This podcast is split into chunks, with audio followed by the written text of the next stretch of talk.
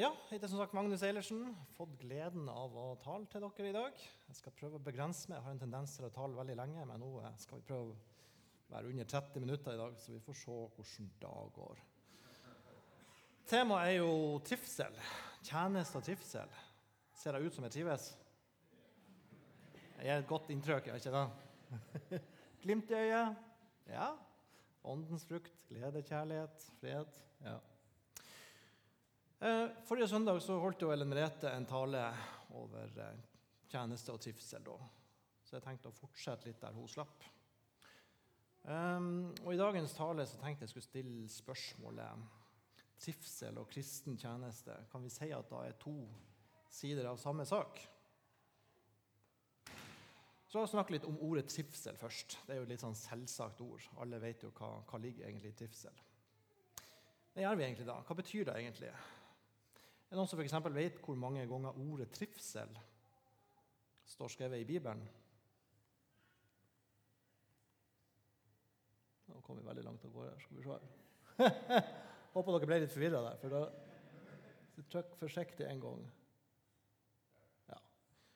Du får tre alternativ. Én gang, 185 ganger og 417 ganger. Rekk opp hånda de som tror det står én gang. Ja, og tror det står 185 ganger. Enda færre. 417 ganger, da. Ja, noen, noen som trodde det òg. Kanskje flest som trodde det sto én gang. Og da kan jeg avsløre at det er rett. Det står faktisk én gang i Bibelen. Så vet dere da. Fun fact.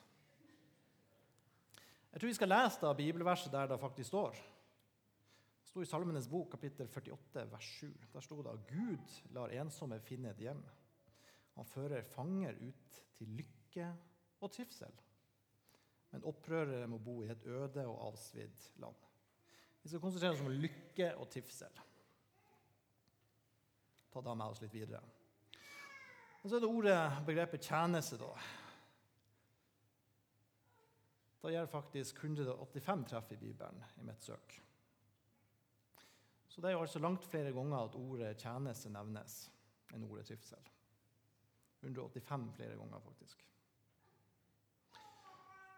På hvilken måte kan det da være at eller hvordan kan det være bibelsk at tjeneste og trivsel da er to sider av samme sak? Er det bibelsk å trives i tjenesten? Eller tenker vi ofte at trivselsfaktoren må være helt avkobla fra tjenesten vår? Skal tjenesten i sin natur være utrivelig, et orsk, en plekt osv.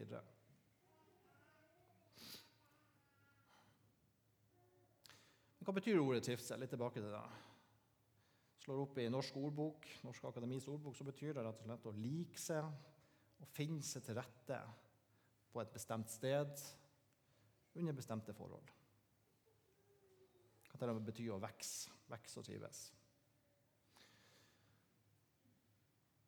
I Bibelen så har vi jo mange ord. Som om trivsel er nevnt bare én gang, så er det noen andre ord som er nevnt ganske mange flere ganger. Og Vi har et ord som omtrent betyr litt av samme som trivsel, i hvert fall i slekt med det. da. Det er et ord som kanskje er enda sterkere lada. Det ordet da er glede, som betyr en sterk følelse av lykke, lyst, tilfredshet det er brukt mange ganger i Bibelen. Noen som vet hvor mange? 417 ganger, ja. Mm. I 2011-oversettelsen. Hvordan er da forholdet mellom glede og trivsel? Jo, hvis vi ofte kjenner på glede i livet, der vi er, da trives vi vel antageligvis ganske godt. Men kanskje vi stortrives. Så vi kan jo på en måte slå fast at de begrepene er nært knytta til hverandre. Selv om trivsel bare nevnes én gang, så har vi likevel glede som nevnes 417 ganger i forskjellige kontekster. Mens ordet tjeneste er nevnt 185 ganger. Så kan vi jo spørre oss, da Er det Guds vilje da, at vi skal trives og glede oss i tjenesten fra Han? Jeg tror jo da. Absolutt. Men er, her er det jo åpenbart mange ulike forståelser, ulike teologiske nyanser, posisjoner. Eh, dere kan, kan, jo bare kjenne etter litt med dere sjøl når dere hører ordet tjeneste, kristen tjeneste. Eh, er det noe dere opplever som lystbetont, positivt? Eller kanskje får man litt sånn negative tanker og assosiasjoner til, eh, til dette begrepet. Eller kanskje er det ikke enten-eller, kanskje er det litt sånn begge deler. egentlig, Alt ettersom hva for en type tjeneste vi egentlig snakker om. Hva leser vi der? Jeg tror jeg er kalt til å bli pastor, men det frister ikke, leser vi i Korsets seier. Spørsmål- og svar-spalten. Ja, og så har vi om diakoni. Diakonivekst i Norge. Å være kristen betyr ikke å ha det koselig hele tiden pastor, diakonitjeneste på fulltid. Kjenn litt på det. Er det noe som kjefter dere i hjertet deres? Er det sånn 'Halleluja, jeg er klar'? Eller Merete, du er hvor lenge er klar for å være pastor? Du har vært pastor lenge òg, ikke sant? Ja. ja. Men det var litt begge deler, var det ikke da? Ja. Amen. Så verden er ikke så svart-hvitt. Ofte er det litt begge deler. Og litt ut ifra hva for en tjeneste man egentlig snakker om. da. Nå er jo ikke alle kalt til å nødvendigvis være pastor eller være, stå i en fulltidsdiakonitjeneste. Når jeg tenker på kristen tjeneste, så tenker jeg veldig vidt og veldig bredt. Så kommer vi tilbake til det etter hvert. Det er ikke tvil om at vi som mennesker har veldig mange forskjellige personligheter. Vi har mange forskjellige erfaringsbakgrunner. Vi har forskjellige evner, vi har forskjellige gudgitte gaver og talenter, for å bruke sånne begrep. da. Vi har sterke sider, og vi har sider som ikke er fullt så sterke. Vi har åpenbart våre begrensninger i mange situasjoner. Og Mange har også kanskje anlegg og evner som, som de egentlig overhodet ikke var klar over at de hadde, som ligger der, bortgjemt, som ikke er oppdaga ennå. Som man kanskje ikke har fått mulighet til å utvikle i noen grad. Men poenget er i hvert fall at vi mennesker er, kan være veldig forskjellige fra naturens side. Og fra kulturens side, den kulturen vi kommer ifra. Og Den forskjellen vil jo gjøre at vi nødvendigvis kan passe til forskjellige typer tjenester i Guds rike. Jeg tror jo personlig at Gud har designa og skreddersydd oss for ulike tjenester i verden. Og Det er nettopp derfor vi er forskjellige. Vi har ulike interesser, ting vi brenner for, vi har forskjellige personligheter. Vi har forskjellige nådegaveutrustninger, som vi kaller det. Men når det er sagt, så tror jeg heller ikke vi er på en måte 100% designa for en ferdig tjeneste i Guds rike. Vi behøver trening, vi behøver øvelse, for å vokse inn i den tjenesten eller de tjenestene som Gud har for oss. Vi trenger å modnes. Og så tror jeg også dette er ment å skje i et nært samspill med Gud sjøl. I nær avhengighet til Han.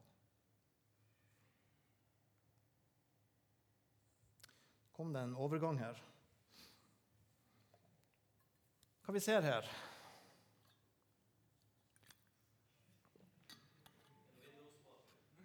Ja. Grønne enger. Vi ser blå himmel. Vi ser godværsskyer.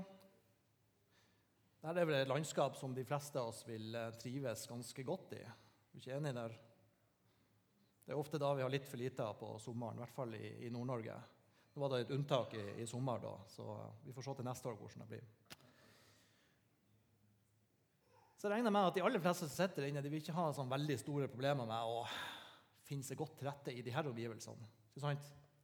Er det noen som absolutt når de ser det Nei, hvorfor kan det ikke regne isteden? Eller snø, for den saks skyld. Det er flott med snø òg. Vi lar den henge litt. Men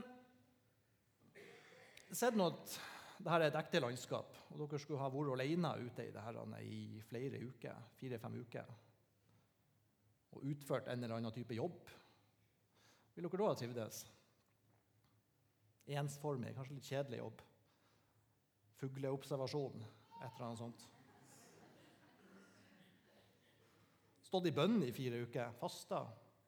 Ja.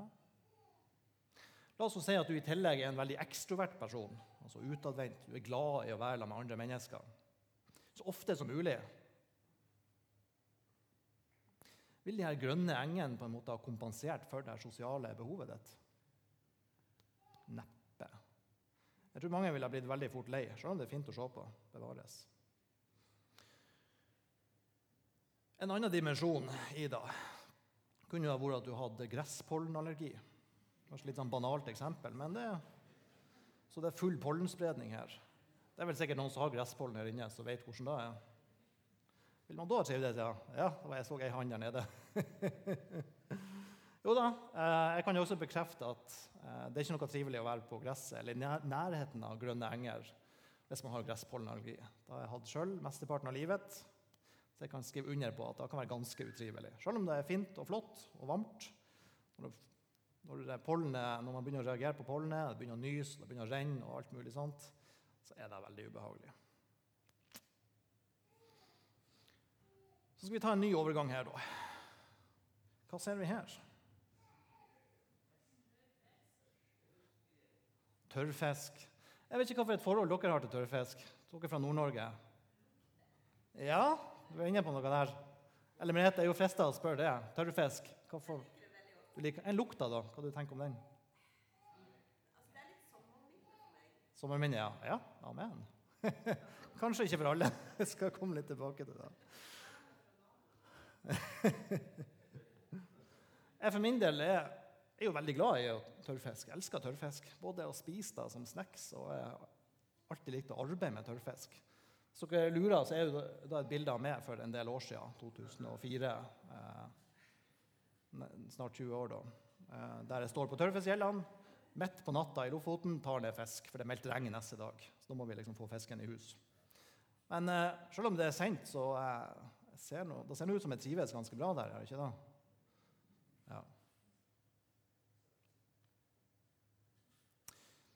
Jeg har vokst opp med tørrfisk i Lofoten. Jeg har omtrent fått det inn med morsmelka. Både som kultur og som jobb, og ikke minst som som en, som en, slags type snacks. da.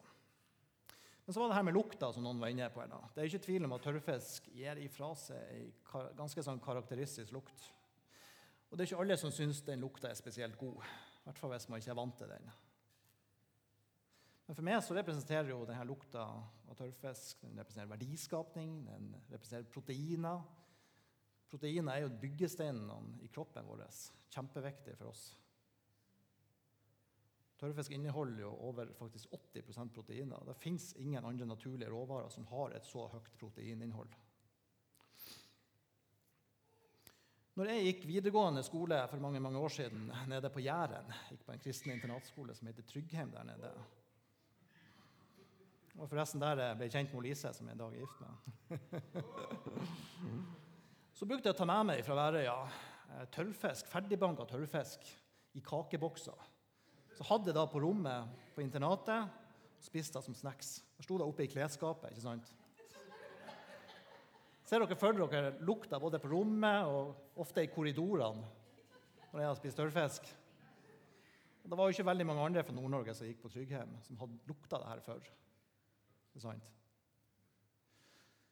Så da fikk jeg høre da veldig fort at dette var ingen grei lukt i det hele tatt. Så jeg ble på en måte litt sånn kulturkrasj da. Elevene som jeg møtte i, fra Rogaland, de var ikke vant med denne lukta av prima førsteklasses tørrfisk fra Lofoten. Men for min del også så ble det jo et kultursjokk, eller i hvert fall en annerledes kultur som jeg kom til der nede. Der hadde jeg jo andre lukter, spesielt på våren. Husdyrgjødsel. Ja, da kan jeg stram lukt når det blir, når det blir spredd utover jordene.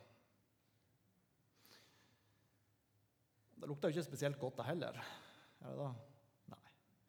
Men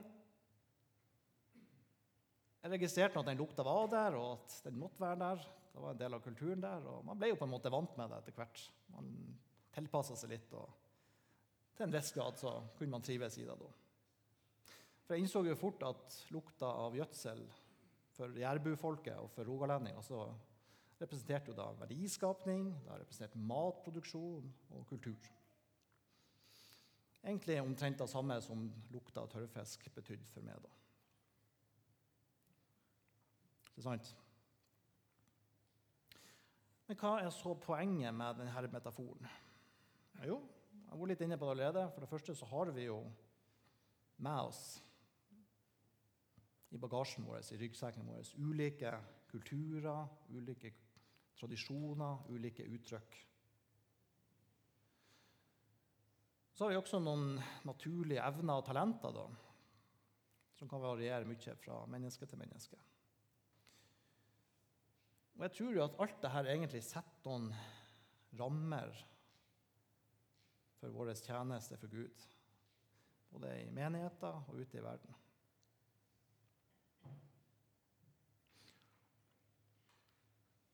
Jeg skal bruke et litt sånn banalt, konkret eksempel. egentlig. La oss si at Gud har kalla meg til å bli bonde nede på Jæren. Han har ikke gjort det, så vidt jeg vet. Eh, men la oss si at jeg, det var noe spesielt med det. Det var noen folk som jeg skulle nå der nede, og da var det veldig høvelig at jeg var bonde der nede. Men min bakgrunn den er jo fra noe helt annet. Den er jo fra fiskeriene i Lofoten, fra tørrfisknæringa, fra det her med å være på havet. Og det er ikke tvil om at det er mange forskjeller, det er mange kontraster fra havgapet til eh, bondelandet. Vi må se på et par bilder der òg. Sånn ser det ut ytterst i Lofoten når det blåser litt vind.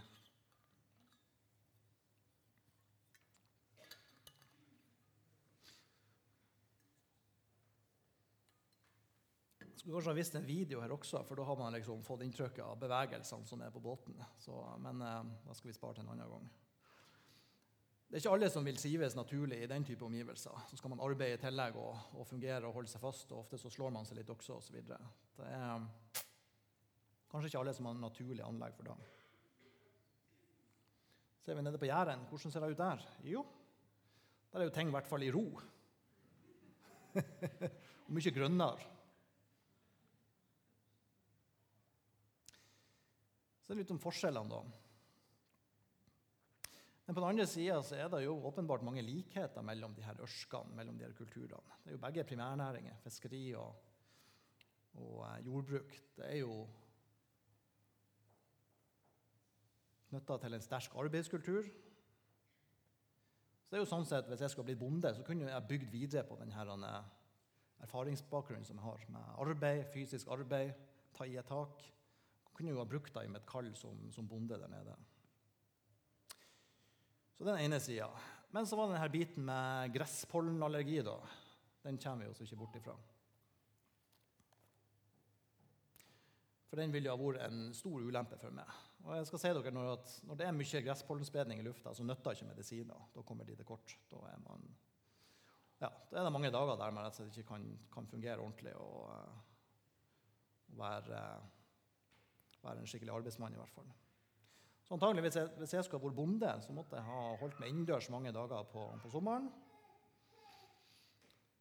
Og måtte fått andre til å ta seg av drifta. Da kunne jo selvfølgelig, Gud kunne ordna sånn at noen andre gjorde, gjorde drifta på sommeren. da.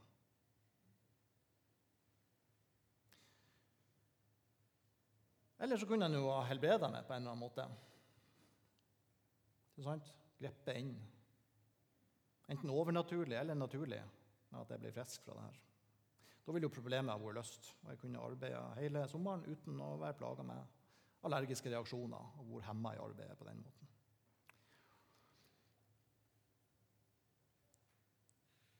Nå ble det jo litt og Vi har ikke snakka så mye om det bibelske, så vi må få ta et bibelsk eksempel også. Eh, for jeg har nok ikke fått noe kall om å være bonde på Jæren. Men i Bibelen er det jo mange som er kalla til det vi kaller store ting for Gud. Moses, f.eks. Ta da eksempelet. Gud kaller han jo til å lede israelsfolket ut av fangenskapen i Egypt. Jeg regner med de fleste husker jo Moses sin eh, respons til Gud.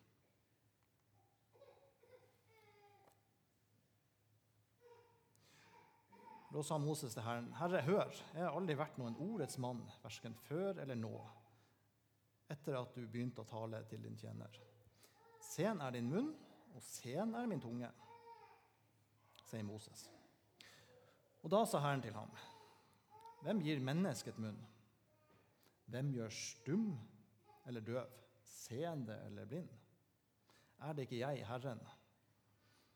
Gå nå, jeg skal være med din munn og lære deg hva du skal si. Altså, jeg skal være med din munn og lære deg hva du skal si.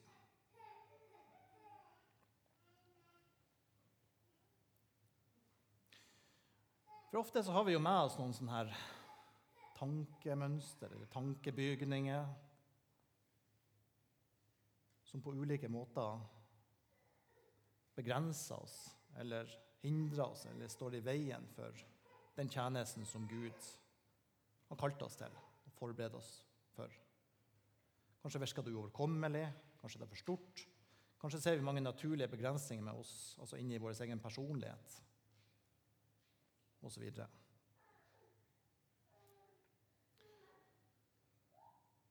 Eh, og det er jo en sånn hva skal jeg kalle det da, en myte som fins i mange kristne kretser om at når Gud kaller oss til tjeneste, så kaller han oss alltid til noe som, som vi ikke har evne til, på en måte. Noe som vi kanskje må stå og bale med hele livet. Noe som vi må kjempe oss gjennom, for det er altfor vanskelig for oss.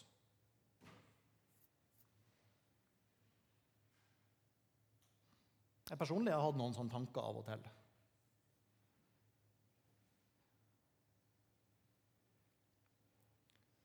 Det vil vi gjerne kalle sånn lidelsesteologi på en eller annen måte.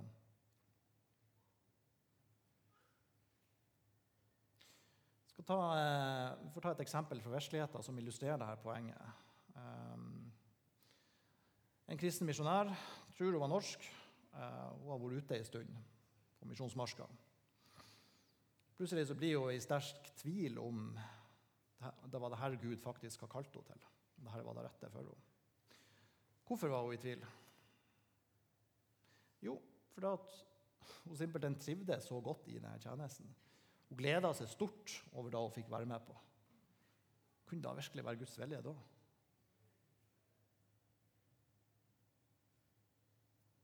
Skal vi le, eller skal vi gråte? Jeg tror dette på forskjellige måter kan være litt inngrodd i oss alle. Og Hva kommer de her tankebygningene ifra? Hva er opphavet til at vi av og til kanskje kan tenke på den måten? Gudsbildet tror jeg er viktig. For Hva for et gudsbilde har vi egentlig med oss?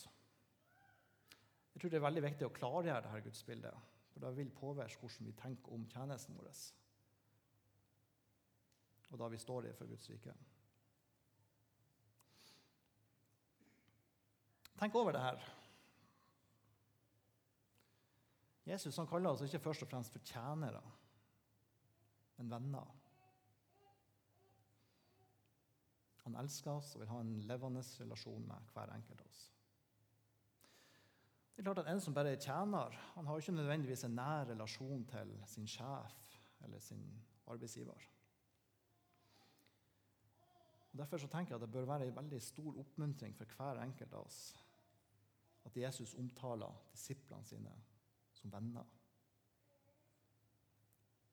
Venner bygger jo relasjoner med hverandre, venner bryr seg om hverandre, venner har omsorg for hverandre. Venner åpner hjertene for hverandre. Er såpass viktig at jeg tror vi leser det verset i lag. Johannes 15, kapittel 15, vers 15-16. Der sier Jesus.: Jeg kaller dere ikke lenger tjenere, for tjeneren vet ikke hva Herren hans gjør. Jeg kaller dere venner, for jeg har gjort kjent for dere alt jeg har hørt av min far. Dere har ikke utvalgt meg, men jeg har utvalgt dere og satt dere til å gå ut og bære frukt, en frukt som varer.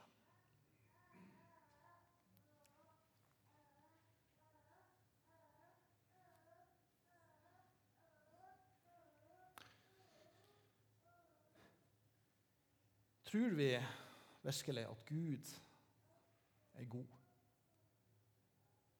Vil oss det aller beste? Klarer vi på en måte å ta tak i det og tro det i hjertene våre? Og leve i den vissheten, leve i den forankringa?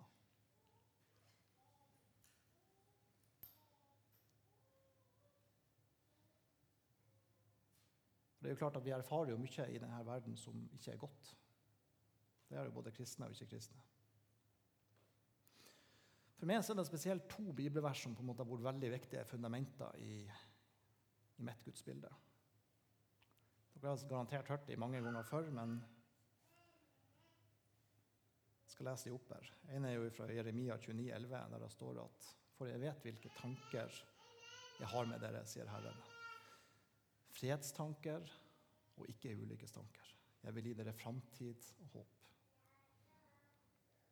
Fredstanker, folkens, og ikke ulykkestanker. Jeg vil gi oss framtid og håp. Ta de ordene til dere og plant det i hjertet. Jeg vil gi oss framtid og håp. Ikke bare i evigheten, men også i denne tid, denne tidsalder. Vi må jo ha et Jesus-sitat her også. Jeg syns Johannes 10, 10 er veldig treffende.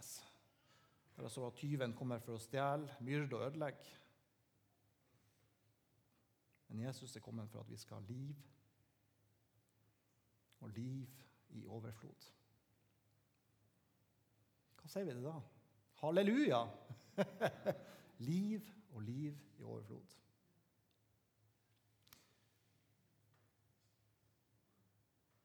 Begynner å lukte litt sånn herlighetsteologi av meg kanskje nå. At Gud er en lykkeautomat. Vi eh, sender han bønneønsker, så får vi ut noen ferdige retter som vi kan tygge på. Noen lykkeautomat. Jeg tror vi må ha en balanse i dette her.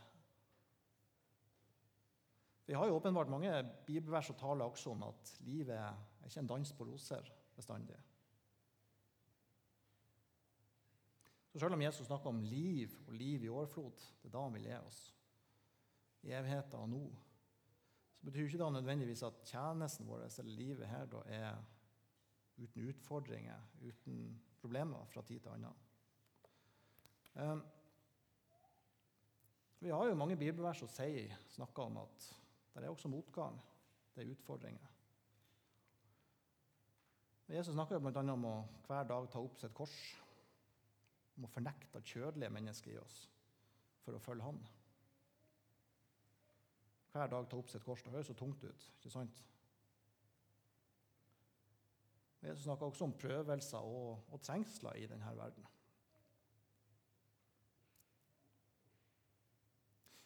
Så det er jo ikke helt svart-hvitt, det her. Det er det åpenbart ikke.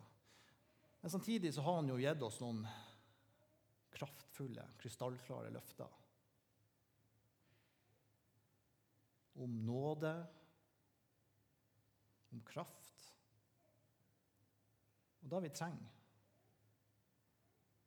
for å kunne fullføre vårt liv her, vårt kall, vår tjeneste. Han har gitt oss løfter om en fred som overgår all verdens forstand. En glede som varer evig.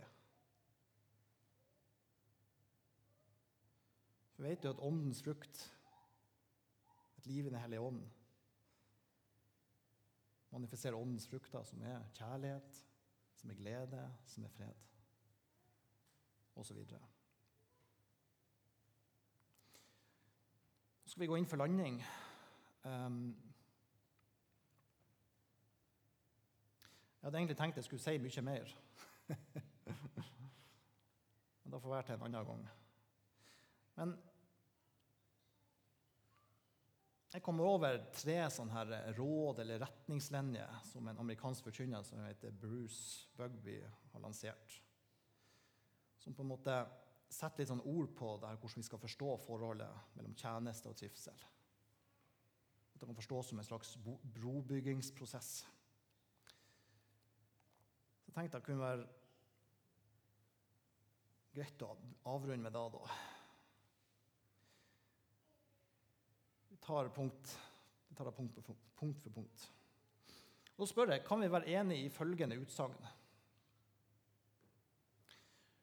Å fortjene ut fra det som brenner i mitt hjerte, altså fortjene Gud, få gjøre en tjeneste for Gud ut fra det som brenner i mitt hjerte, vil ikke da gi en større entusiasme i tjenesten min? Er vi enige? Ja, amen. Nummer to, da. Å fortjene Gud ut ifra min personlighet. Vil ikke da gi mer frihet i tjenesten min? Nummer tre å fortjene Gud ut ifra min nådegaveutrustning. Vil ikke da gjøre at jeg tjener ham med større kompetanse?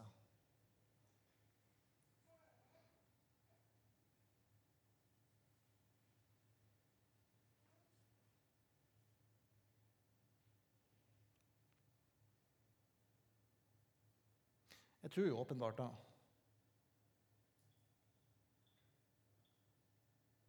Jeg tror jo de stemmer, alle de her tre punktene. Og jeg tror vi trenger å minne oss sjøl da. Minne oss sjøl om da, egentlig. At Gud har på en måte, for å bruke et litt sånn flåsete uttrykk, spesialdesigna oss, hver enkelt av oss, for noe vi skal holde på med i denne verden. Som vi skal få lov til å vokse i, som vi skal få lov til å mestre i, som vi skal få lov til å trives i. Kanskje vi ikke alltid føler at vi mestrer det, eller at vi er i stand til å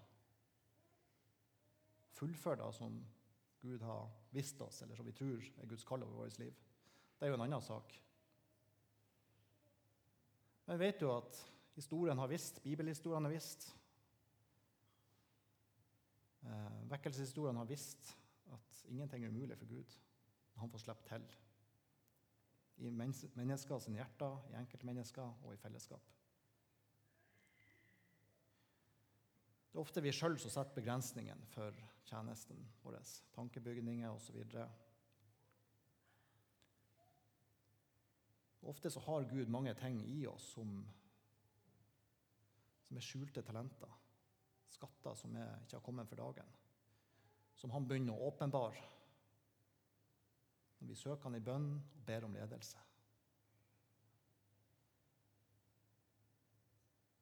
Da er det mye spennende som kan dukke opp.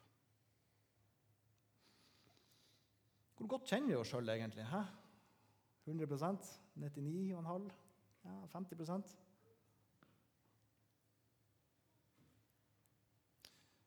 Hvis vi tror at Gud er fullkommen og allmektig, så kjenner Gud oss bedre enn vi kjenner oss sjøl. Han har full oversikt over alt i oss. Vår livshistorie, våre muligheter, våre begrensninger, styrker og svakheter. Hva som ikke er synlig for øyet, det er synlig for Gud. Herren vet hva han har lagt ned i ditt hjerte og i ditt liv.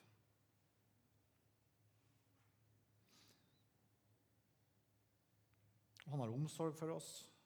Han vil aldri svikte eller forlate oss, står det.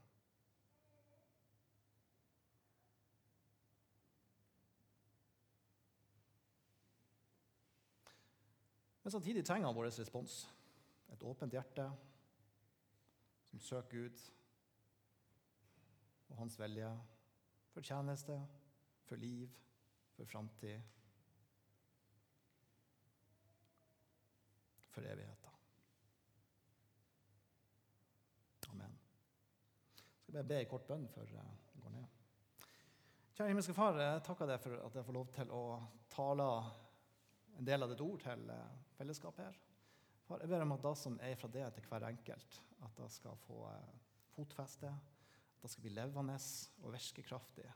Bare kun du kjenner alle her inn og ut. Du kjenner oss bedre enn vi kjenner oss sjøl, Herre Jesus.